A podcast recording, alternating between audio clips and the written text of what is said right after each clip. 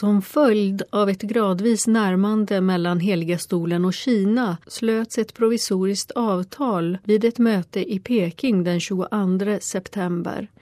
Vid mötet närvarade monsignor Antoine Camilleri, undersekreterare vid Heliga stolens avdelning för relationer med stater, Wang Shao, viceminister för Kinas utrikesdepartement och respektive ledare för delegationer från Vatikanen och Kina.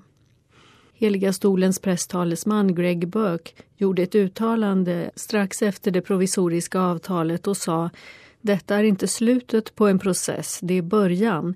Det handlar om en dialog, ett tålmodigt lyssnande från båda parter även då personerna har mycket skilda ståndpunkter. Målet med avtalet är inte politiskt utan pastoralt för att låta de troende få ha biskopar som är i gemenskap med Rom men samtidigt erkända av de kinesiska myndigheterna. För att stödja evangeliets förkunnelse i Kina har påven Franciscus beslutat att i full kyrklig gemenskap återuppta de så kallade officiella biskoparna i Kina som har ordinerats utan påvligt mandat. Påven hoppas att man genom detta beslut kan inleda en ny väg för att övervinna tidigare skador och uppnå en full gemenskap mellan alla katolska kineser.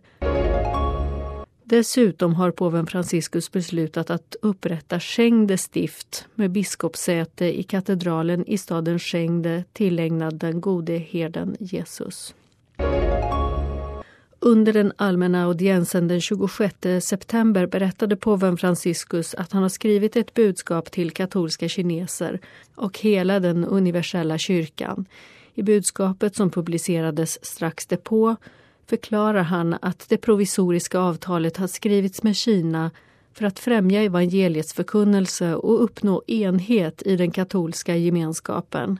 Påven inleder budskapet med att uppmuntra katolska kineser och skriver att de finns i hans böner varje dag. Han påminner om orden som även Benediktus XVI citerade i sitt brev till Kinas katoliker 27 maj 2007. Var inte rädd, du lilla jord. Den senaste tidens motstridiga röster bland Kinas katoliker i vissa fall har skapat oro och tvivel, skriver påven. Vissa har känslan av att ha blivit övergivna av den heliga stolen och ifrågasätter värdet av lidandet de har utstått på grund av ett liv i trohet till Petri efterträdare. Andra är hoppfulla för en lugnare framtid för troende i Kina. Påven Franciscus uttrycker en stor beundran för de kinesiska katolikernas tro på Guds försyn i prövningarna och skriver att han delar denna beundran med hela den universella kyrkan. Påven skriver att Herren just mitt i prövningarna överöser oss med tröst och förbereder oss för en större glädje. Han uppmanar alla att följa exemplet hos de troende som har vittnat med den rätta bekännelsen och med sina liv för att dessa är Guds verkliga vänner. Han preciserar att det provisoriska avtalet är frukten av en lång och komplex institutionell dialog mellan Heliga stolen och den kinesiska regeringen som inleddes av Johannes Paulus II och följdes av Benediktus XVI med målet att förkunna evangeliet och uppnå en full och synlig enhet inom Kinas katolska församling. Tron tillåter oss att inleda en vandring utan att känna till vägen, skriver påven vidare. Abraham kallades av Gud att vandra till ett okänt land och löd. Om han hade haft sociala och politiska villkor och ideal kanske han aldrig hade gått på vandringen, sa påven. Som Petri efterföljare vill jag bekräfta er i denna tro genom att inbjuda er att med allt större övertygelse sätta större tilltro till Herren. Påven lägger till att han grundligt har undersökt varje personligt enskilt fall och lyssnat på många åsikter och reflekterat och bett mycket i sökandet efter det sanna bästa för kyrkan i Kina. Påven skriver att det var grundläggande att först och främst ta itu med biskopsutnämningarna eftersom det är vida känt att kyrkan i Kina är märkt av djupa motsättningar på grund av legitima och illegitima biskopar. Påven lägger till att han grundligt har undersökt varje persons enskilda fall och lyssnat på många åsikter och reflekterat och bett mycket i sökandet efter det sanna bästa för kyrkan i Kina. Inför Herren, i kontinuitet med mina senaste företrädares orientering, har jag lugnt beslutat att tillåta försoningen med de återstående sju biskoparna som har ordinerats utan påvligt mandat och genom att avlägsna varje kanoniska påföljd gällande detta återuppta dem i fullständig kyrklig gemenskap. Påvens inbjudan till alla katolska kineser är att verka för försoningen i medvetenheten om att det inte finns lagar eller föreskrifter som kan förhindra Gud att återigen omfamna sonen som kommer tillbaka till honom och erkänner sina fel och vill börja om på nytt. Det provisoriska avtalet kan bidra till ett nytt blad i den katolska kyrkan i Kinas historia, skriver påven och hoppas att det kan leda till val av goda herdar som kan anta den känsliga och viktiga biskopstjänsten i kyrkan. Han nämner också vikten av att landets biskopar, präster, ordensfolk och lekmän väljer ut goda kandidater. Det handlar om att välja herdar som står i Guds folks tjänst och särskilt de fattigaste och svagaste. Önskan är att katolska kineser ska vara goda medborgare i sitt land på civilt och politiskt plan och helt och fullt älska sitt land och engagerat och ärligt tjäna det allt efter egen förmåga. Katoliker kan tillföra profetiska och konstruktiva bidrag som kommer ur tron på Guds rike, betonar påven. Detta kan också kräva att de säger ett kritiskt ord, inte för att skapa en improduktiv motsättning men i syfte att bygga ett samhälle som är mer rättvist, mänskligt och respektfullt för varje persons värdighet. Påven vänder sig till biskopar, präster och ordensfolk och ber dem att övervinna tidigare motsättningar och det att söka bekräftelse för personliga intressen för att istället ta hand om de troende och ödmjukt engagera sig i försoning och enhet och med kraft återuppta evangelisationens vandring som andra Vatikankonciliet föreslår. I en appell till katolska kinesiska ungdomar uppmanar påven dem om att samarbeta i landets framtidsbyggande och med entusiasm bära fram evangeliets glädje till alla och övervinna personliga fördomar och motsättningar mellan grupperingar och församlingar för att öppna en modig och broderlig vandring i ljuset av en autentisk möteskultur. Han ber sedan hela världens katoliker att följa med våra bröder och systrar i Kina med innerliga böner och broderlig vänskap för att de inte ska känna sig ensamma.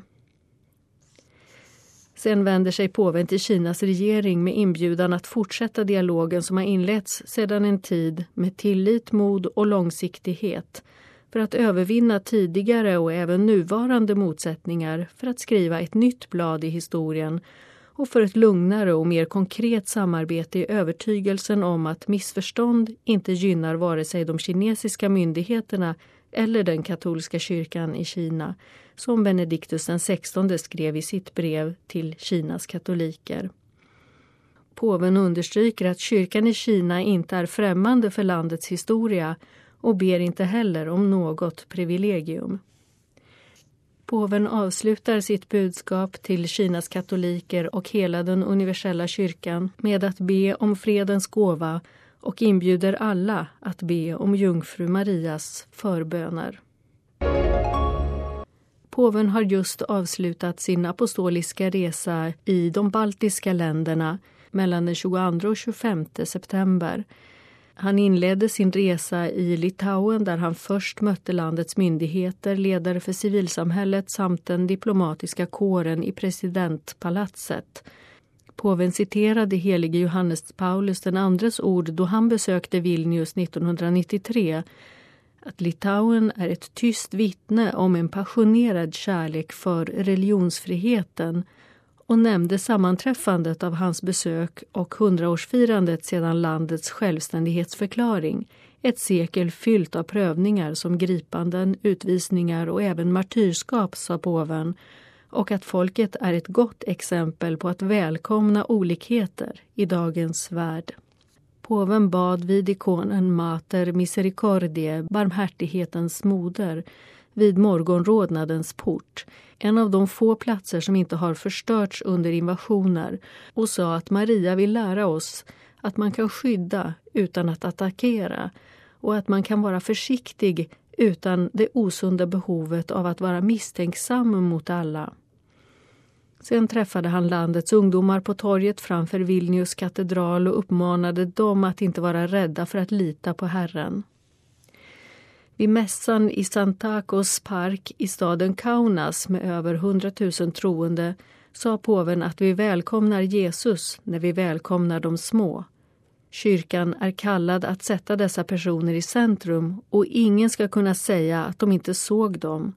Vi ska som lärjungarna komma till insikt om att då vi välkomnar ett litet barn välkomnar vi Jesus själv. Under efterföljande Angelus uppmanade påven folket att ta avstånd från frestelsen att vilja dominera över andra och begäret att vilja vara överlägsen. Efter lunch med Litauens biskopar i Kaunas kuria mötte påven Franciscus landets präster, ordensfolk och seminarister i Kaunas katedral och bad dem fråga sig vilka utkanterna är som mest behöver oss för att bära fram evangeliets ljus och att de endast genom sitt livs exempel återspeglar hoppet i Herren. Efter en hel dag i Kaunas återvände påven Franciscus på eftermiddagen till Vilnius för att besöka ockupationernas och frihetskämparnas museum en minnesplats för alla de människor som dog under Sovjets ockupation av Litauen. Där bad påven Ditt rop, Herre, fortsätter att genljuda. Det ekar inom dessa väggar som erinrar de lidanden som så många av detta folks söner och döttrar fått utstå. Litauer och människor från andra nationer betalade med sitt eget kött priset för törst efter absolut makt hos dem som sökte fullständig dominans. Påven mötte sen Baltikums jesuiter och påminde dem om vikten av en andlig urskiljning i alla pastorala handlingar. Han sa att en jesuit med en god urskiljning inte förlorar sig till den onde och bad sina medbröder att hålla blicken fäst på Kristus. Tidigt på måndagsmorgonen reste påven Franciscus från Vilnius till Riga i Lettland och efter välkomstceremonin i presidentpalatset höll påven sitt första tal under sitt besök i landet till representanter för myndigheter, civilsamhället och den diplomatiska kåren och sa att Lettlands moderlighet visas genom förmågan att skapa arbetstillfällen så att ingen behöver dra upp sina rötter för att bygga sin framtid. Detta är endast möjligt där det finns rötter från förr, kreativitet i nuet och tillit och hopp till morgondagen. Efter blomsterläggningen vid stadens frihetsmonument tog sig påven Franciscus till Rigas lutherska domkyrka för en ekumenisk bön. Där utgick påven från musiken i sitt tal då katedralens orgel är vida känd.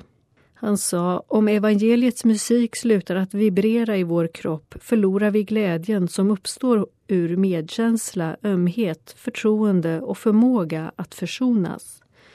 Om Kristus har ansett oss värdiga att låta evangeliets melodi återljuda, ska vi då sluta spela den?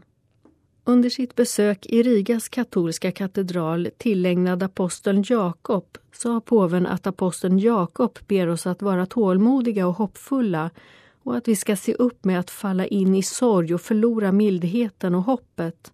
Påven sa till de samlade letterna ni som har gått igenom många årstider är det levande vittnet på uthållighet i motgångar. Han påminde de samlade om att inte ha ett hårt hjärta för att det kan inte känna glädjen i Guds godhet. Påvens sista etapp på måndagen var en helig mässa i Maria sanktuariet, Guds moders helgedom, i Aglona i sydöstra Lettland. I sin predikan sa han att jungfru Maria påminner oss vid korsets fot om glädjen av att erkännas som Guds barn och Jesus inbjuder oss att låta henne komma till våra hem som moder och placera henne i centrum för våra liv. Hon vill ge oss sitt mod och sin ödmjukhet att stå fast och att välkomna så att alla i Lettland vet att vi är beredda att välkomna utan diskriminering. Tisdagen den 25 september reste påven avslutningsvis till Estland. Då han mötte företrädare för landets myndigheter, civilsamhälle och den diplomatiska kåren talade påven om att landet historiskt kallas Marias land Ett namn som inte bara hör till er historia utan är en del av er kultur, sa påven.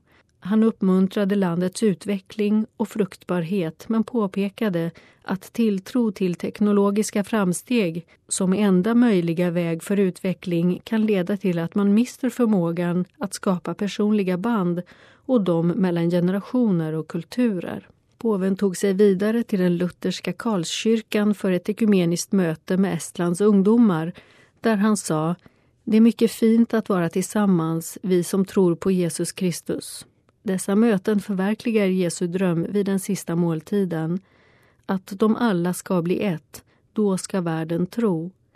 Om vi anstränger oss för att se varandra som pilgrimer som vandrar tillsammans lär vi oss att öppna hjärtat med tillit till resekamraten utan misstänksamhet, utan misstro och endast se det som vi verkligen söker, friden inför den ende Guds ansikte.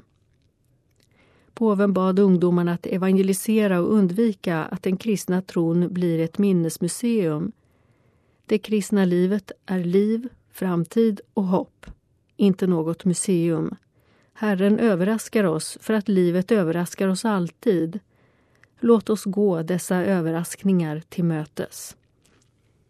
Påven Franciscus fortsatte under tisdagen sitt besök i Tallinn i Estland med att uppmärksamma kyrkans välgörenhetsverksamhet.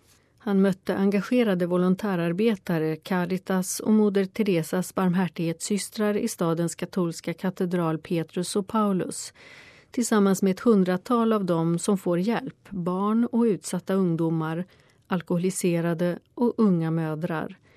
Påven bad de samlade att fortsätta bygga band mellan människor, att vara en del av Guds familj, att vara lärjungar som fortsätter att odla riket.